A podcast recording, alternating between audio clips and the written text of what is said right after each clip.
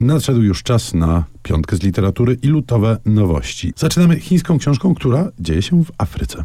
Dzieje się w Afryce ma mocne hiszpańskie wątki, ale trzeba zacząć od tego, że to nie jest po prostu chińska, chińska książka, tylko tajwańska. Wydawca informuje nas, że to jest pierwszy przykład literatury tajwańskiej w Polsce. My wierzymy. Książka nazywa się Saharyjskie Dni. jej autorką jest San Mao. Oczywiście autorka ma różne inne wersje imienia, ale jako San Mao najbardziej jest znana. I to jest rzecz dość niezwykła.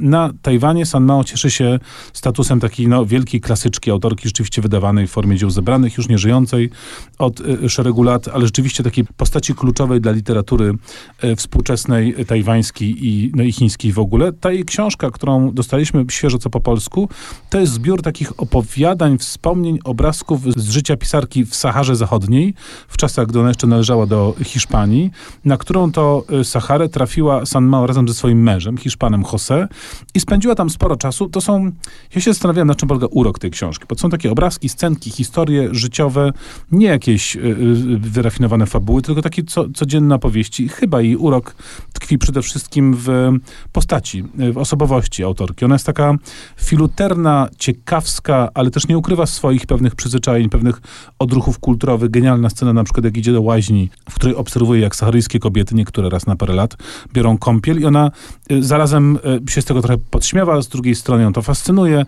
nie może jakby też wyciszyć sobie pewnych swoich kulturowych, chińskich, tajwańskich przyzwyczajeń. Bardzo przekonująca rzecz, ciekawa, zaskakująca. Rzeczywiście mamy do czynienia z czymś, co jest literacko świeże, oryginalne, nietypowe i, no i nowe.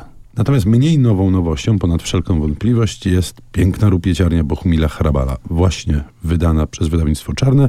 To eseje, teksty różne Hrabala w tłumaczeniu Aleksandra Kaczarowskiego i Jana Stachowskiego. I to dla fanów Hrabala jest lektura obowiązkowa, ale też świetne wprowadzenie w hrabalowy świat. Zbiór otwiera tekst o spotkaniu autorskim, chyba najfajniejszy tekst o spotkaniu autorskim, jaki kiedykolwiek czytałem. Spotykamy tu 70-letniego hrabala, który rozmawia ze swoimi czytelnikami. Jest tu e, bardzo dużo różnych rzeczy, nawet fragmenty dotyczące miłości hrabala i podziwu e, do polskiego oręża. Tu przeczytam fragment Państwu, żebyśmy się wszyscy lepiej poczuli. Kiedy usłyszałem o tragedii Polski, do płaczu doprowadzały mnie opowieści o tym, jak pułki polskiej kawalerii szarżowały na niemieckie czołgi. Wszyscy ci polegli Polacy walczący konno przeciw czołgom byli dla mnie objawieniem, antycznym mitem, jak ten grecki hoplita, który, aby uniemożliwić ucieczkę wrogiej perskiej łodzi, sam jeden trzymał łódź rękoma, a kiedy ucięli mu ręce, wgryzł się zębami w linę i dopiero, gdy perscy żołnierze odcięli mu głowę, łódź odpłynęła. Czy troszeczkę tak nie, walczyli Polacy. Czy on troszeczkę nie ironizuje? To?